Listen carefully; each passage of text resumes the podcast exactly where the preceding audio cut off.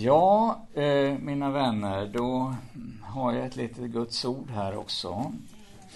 Och eh, det är ifrån eh, Första Kungaboken. Ifrån det fjärde kapitlet och ifrån den eh, 33 versen. Och det är ju då Salomo som det syftar på här när det står att han talade om träden från seden på Libanon till isopen som växer ur väggen. Amen. Ska vi be om Herrens välsignelse över det här ordet också.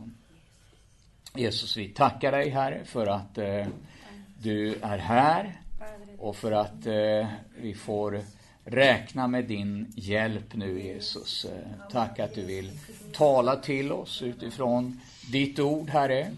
Och du vill låta den helige Ande lysa över ordet så att vi kan ta det till oss, till vår invärtes människa och det blir till nytta och välsignelse för oss Herre. Tack Jesus Kristus att vi får överlämna nu eh, det här i dina händer. Amen. Ja, tack och lov. Eh, det, det, vi läste här nu, det är ju egentligen eh, en eh, väldig motsats.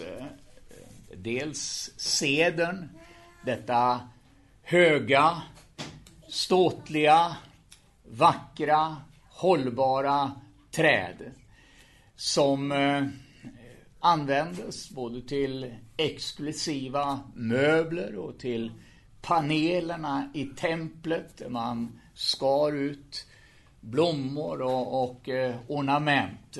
Och en del överdrogs ju också med guld.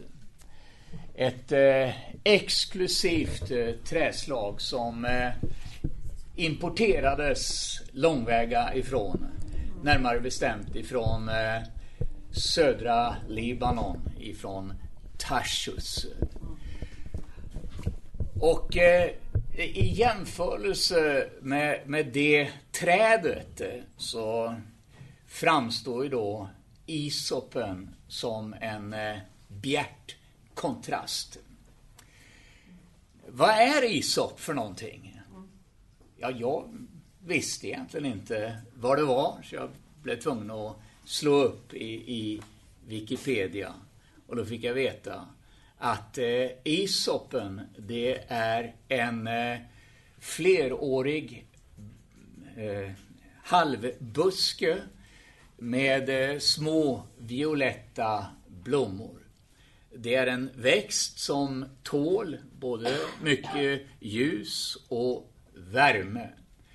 Och det latinska namnet det är officinalis som betyder både verkstad och apotek. Eh, det var nämligen så att eh, den här växten den användes både som en läkeört, framförallt för bröstsmärtor.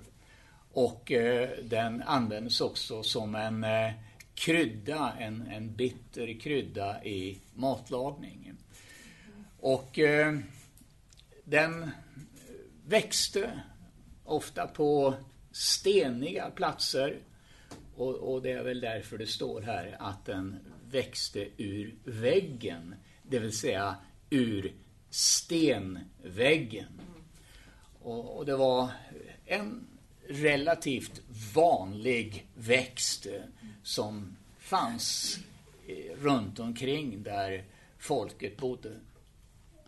När vi läser Bibeln så ser vi att eh, just isopen förekommer på flera olika ställen. Det första stället är fjärde Mosebok, det 19 kapitlet. Eh, där eh, det står att om någon hade blivit oren genom att röra vid en död kropp, då skulle prästen ta eh, friskt, rent vatten och blanda med aska ifrån offerdjuret och så stänka sju gånger på den som hade blivit oren, så skulle han bli ren. Det andra stället som jag vill lyfta fram det är i tredje Mosebok, det fjortonde kapitlet, eh, där det står om ett hus hade, som man sa då, blivit eh, drabbat utav spetälska. Då skulle prästen på nytt igen ta rent vatten tillsammans med karmosinrött garn och eh, tillsammans med cederträ och med aska ifrån eh, offerdjuret och, och stänka sju gånger. Man skulle också göra en annan sak och det var att ta två fåglar.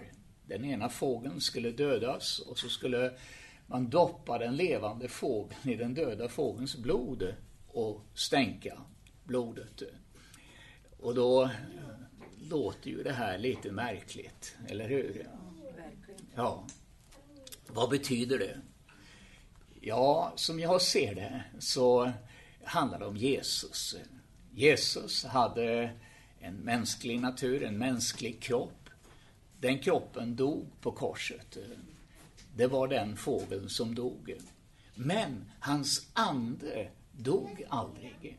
Utan eh, han tog blodet och som en fri fågel så flög han iväg ända in i himlen till Guds tron där han bar fram den döda fågelns blod eller blodet ifrån den mänskliga kroppen. Och eh, sedern, det var hans dyrbara, eh, obrutna, starka natur som inte kunde dödas. Och det karmosinröda garnet, ja det var blodfärgat och talar också om Jesu blod. Och det vi ser vid båda de här tillfällena, det var att prästen skulle stänka sju gånger. Och i Bibeln så är sjutalet, det är fullkomlighetens tal. Och det talar om att när Jesus renar, då gör han det fullkomligt. Det vill säga, du och jag, vi behöver inte och kan inte lägga någonting till det Jesus har gjort. Och det är därför det står i Hebreerbrevet 9 och 13 om eh, nu offret utav bockar och tjurars blod och askan ifrån en kviga kunde rena till utvärtes motto, hur mycket mer skall då inte Jesu Kristi blod rena våra samveten ifrån döda gärningar? Vad är döda gärningar? Jo, det är allt det som du och jag försöker att åstadkomma för att liksom bättra på det Jesus har gjort. Men det är så fantastiskt att eh, vad vi än försöker med så kan vi aldrig någonsin lägga ett enda dugg till det Jesus eh, har gjort fullkomligt och färdigt. Amen. Men eh, det Jesus har gjort, det måste ju då appliceras på våra liv också. Hur, gör, hur sker det? Jo, det står att genom hjärtats tro och genom munnens bekännelse så blir vi frälsta. Och just att tala ut Guds ord, det är den stora hemligheten. För på samma sätt som isoppen i Egypten doppades i lammets blod och ströp blodet på dörrposten och, och dörrträdet så måste blodets kraft förflyttas ifrån bibelbladet och in i våra liv och strykas på vårt hjärtas dörrposter. Hur sker det? Jo, det sker just genom munnens bekännelse. Eh, det är en skulle jag vilja säga, eh, andlig hemlighet som eh, vi ibland har glömt bort. Att verkligen tala ut Guds ord. Eh, när, när, Jesus dog så står det också att man använde isop, en isopstängel och fäste en svamp på så doppade man den i ättiksvinet och förde till Jesu mun. Eh, så, så just isopen står för det talade ordet. En del tror att det ligger en väldig kraft i, i själva boken. Eh, och jag har sett ibland så, så, lägger man till och med Bibeln på sjuka människor. Och, och jag vet inte om man har föreställning att det är någonting magiskt i själva boken. Men det finns ingen kraft i de här permarna. Det finns ingen kraft i, i, i bladen eller, eller texten, trycksvärtan. Faktum är att eh, bokstaven dödar. Men det är anden som ger livet. Det vill säga när vi talar ut Guds ord. Eh, det finns ett ord som är verksamt. Eh, och det är det ord som utgår ifrån Herrens mun. Det ordet, det ska inte återvända fåfängt. Det var därför som generalen sa till Jesus också, säg bara ett ord så blir min tjänare frisk. Och det står i Uppenbarelseboken om de som övervann den onde, så gjorde de det. Hur då? Jo, genom Lammets blod och i kraft utav sitt vittnesbörds ord. Så när vi talar ut Guds ord och bekänner vad Guds ord säger, då blir Guds ord den här hammaren som sönderkrossar klippor. Eh, det här svärdet som tränger igenom, åtskiljer och uppenbarar. Eh, det blir den här förtärande elden. Det som smälter det frusna. Guds ord, det, blir verksamt, helt enkelt. Och när Israels folk då skulle ha någonting för att stryka blodet med så behövde de inte gå runt och, och leta någonstans efter någonting exklusivt eller sällsynt. Någon utrotningshotad växt som var svår att hitta. Utan det de behövde, det fanns utanför husknuten. I deras omedelbara närhet. Och det vi behöver, det är heller inte långt borta. Tvärtom. Han är dig nära, står det. I ditt hjärta och i din mun. Så när du öppnar munnen och prisar Jesus eh, och tackar honom och bekänner vad hans ord säger, då får du uppleva att Jesus är nära. Ibland så tänker vi kanske inte på allt underbart som vi har tillgängligt för oss. Israels folk, de hade gått och tittat, tror jag, på den där isoppen varenda dag. Och sett de här små violetta blommorna och inte tänkt så mycket på det. Och ibland så kan det vara så när vi läser Guds ord också, att vi läser och läser och ja, det var väl härligt. Men så tänker vi inte på vilken oerhörd eh, skatt vi egentligen har och vilken oändlig rikedom vi har i Guds ord så att man kan hitta ett sånt här litet ord i, i, i första konungaboken om att han talade om seden och isoppen som växer ur vägen. Men så plötsligt så får man en hel predikan bara på ett sånt litet, litet ord. Va? Det är en sån fantastisk rikedom som vi har egentligen. Och det är också så att när, när Gud skulle då använda någonting som de, eh, eller när de skulle använda någonting för, för att stryka blodet med, så var det ju inte någon vacker ros eller någon lilja eller någonting så här eh, spektakulärt och sensationellt, utan det var den här lilla växten som var så oansenlig. Och, och, precis så är det så, alltid när Gud vill använda någonting, då är det inte denna världens visdom, utan tvärtom så säger han, var är denna världens visa och förståndiga, denna världens debattörer? Har inte Gud gjort denna världens visdom till intet? Ja. Människor i den här världen, ja, de vill som judarna, de vill ha tecken och som hedningarna så, så vill de ha visdom. Men Gud valde att uppenbara sig för den som ingenting var.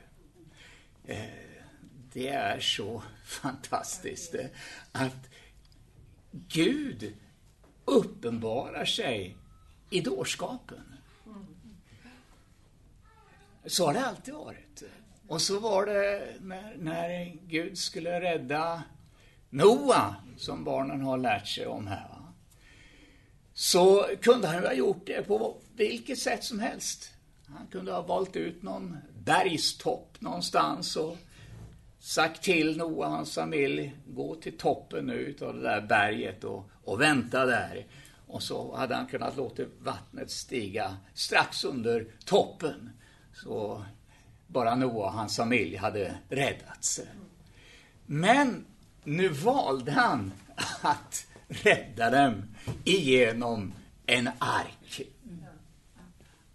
Och jag kan föreställa mig den tidens visa och kloka som eh, skakade på sina huvuden och sa Hur ska det här gå? Vad ska han få mat till alla djuren någonstans och var ska han lagra den och hur ska djuren få plats?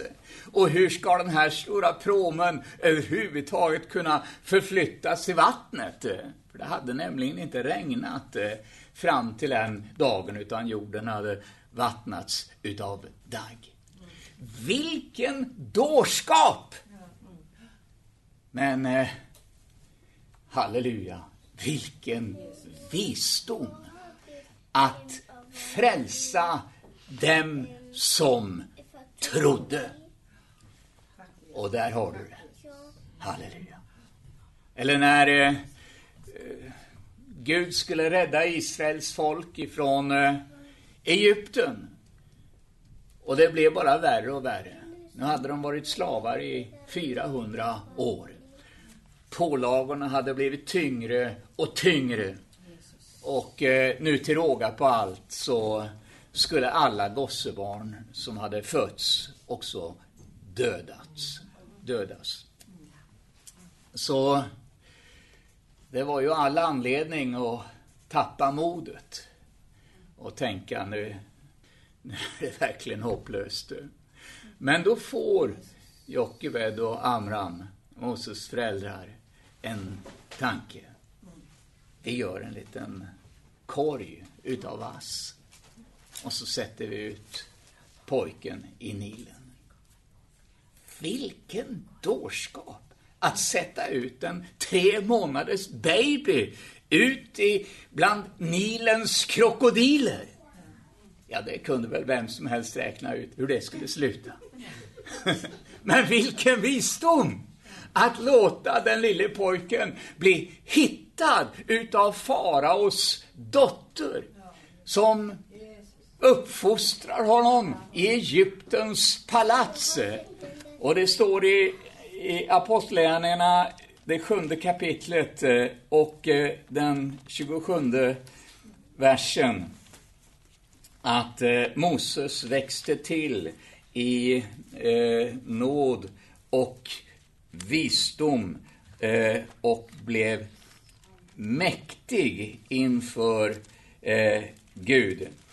Eh, och, och, så får Moses eh, vara det här redskapet som fullbordar Guds plan med folket.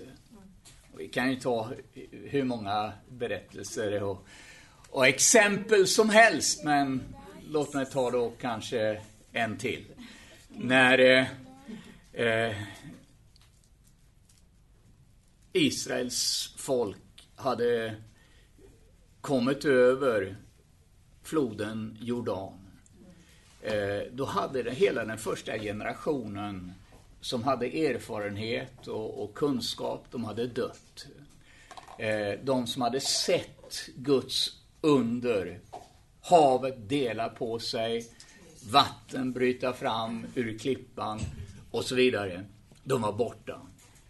Nu var det en, en ny oerfaren generation som eh, dessutom hade gått in på fiendens territorium, slagit läger på Jerikos hedar. Och det såg eh, inte speciellt ljust ut därför att för sig så hade de en av den tidens mest välbefästa städer eh, där eh, det bodde ett folkslag som var både större och starkare än de själva. Det såg illa ut. Men det skulle komma att bli ännu värre. För där skulle alla män också omskäras. Och så sitter de där som eh, ankor eh, inom skotthåll för fiendens pilar. Men eh, i den dårskapen så händer det någonting. De får börja att vandra i tro. Och så ser jag framför mig den här synen. Åtta män, vitklädda, bärande på en låda emellan sig, börjar vandra runt stan följt utav allt folket. Och så vandrar de ett varv varje dag. Den sjunde dagen sju varv. Vilken dårskap! Men eh, den dårskapen fick Jerikos murar att falla. Ja, det kommer till mig också när Jesus skulle mätta allt folket som hade suttit där och lyssnat hela dagen, var trötta och hungriga. Och så säger Jesus, eh, vad ska vi ge dem att äta? Och det säger han ju inte för att han inte vet vad han ska göra. Men för att sätta lärjungarna på prov. Och så, och så börjar liksom hjärnan att varva upp och de börjar väl att tänka. Och, och Filippus han räknar och räknar. Och till slut så kommer han fram till att, ja, silverpenningar, 200 silverpenningar, det räcker ju inte en gång.